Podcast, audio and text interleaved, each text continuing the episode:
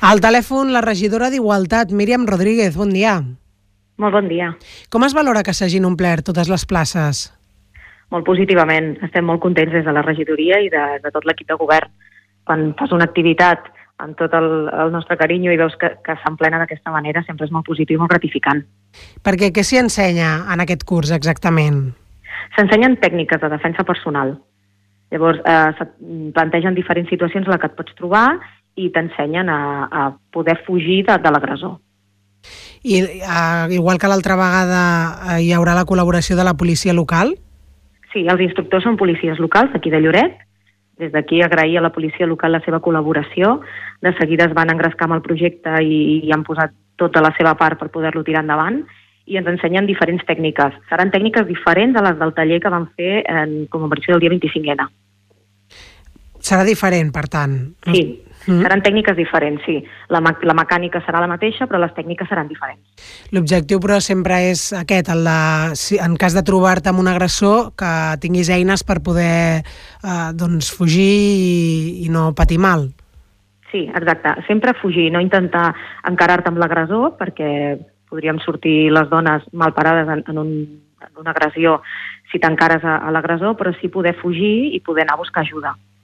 I regidora, uh, clar, aquesta és la segona edició, l'altra, la primera també va funcionar molt bé, aquesta, tot i que encara no s'ha fet, ja podem parlar d'èxit perquè s'han omplert totes les places, per tant, demanda n'hi ha. La idea és tornar-lo a organitzar més endavant? Sí, sí, sí, la nostra idea és anar-lo fent mentre hi hagi una demanda de per part de les dones de, de Lloret de voler-lo fer, nosaltres sempre estem, estem disposats a tirar-lo endavant. Uh, en aquesta edició vam treure 40 places, però en vistes de l'èxit que teníem 75 dones apuntades, ho vam ampliar a 75, però tot i així encara s'han anat apuntant gent i tenim dones a llista d'espera. De totes maneres, si fem una altra edició, aquestes dones que han quedat a llista d'espera seran les que tindran plaça les primeres. Mm. O sigui, en aquesta de places n'hi ha 75? Sí. Déu-n'hi-do, sí, sí. eh? És una bona sí. quantitat per fer un moltes, taller d'aquestes característiques. Sí. Doncs eh, esperem que vagi molt bé, que segur que sí. I regidora, la, de cara a la setmana que ve tornarem a parlar perquè arriba el 8M i des de l'Ajuntament s'hi està treballant per fer la commemoració que pertoca.